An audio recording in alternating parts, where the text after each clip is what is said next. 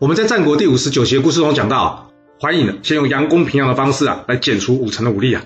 而接下来，他与护泽所率领赵军啊，决战于平阳。他一战呢，歼灭了十万赵军，决定了赵国即将走向毁灭的命运呢。很可惜，赵王在这一战开始啊，并没有启用李牧。然而，历史就是历史啊，没有如果或是重来一次。不过，历史可以给我们借鉴的是什么？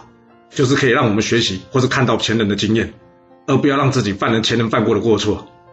我有许多朋友都跟我说，他们不喜欢历史，因为啊，要背好多的人名跟年代啊。然而，这会不会就是上层阶级的目的啊？因为他不希望你去了解历史，更不希望你从中间获得知识，而成为他将来的竞争对手。你说是吧？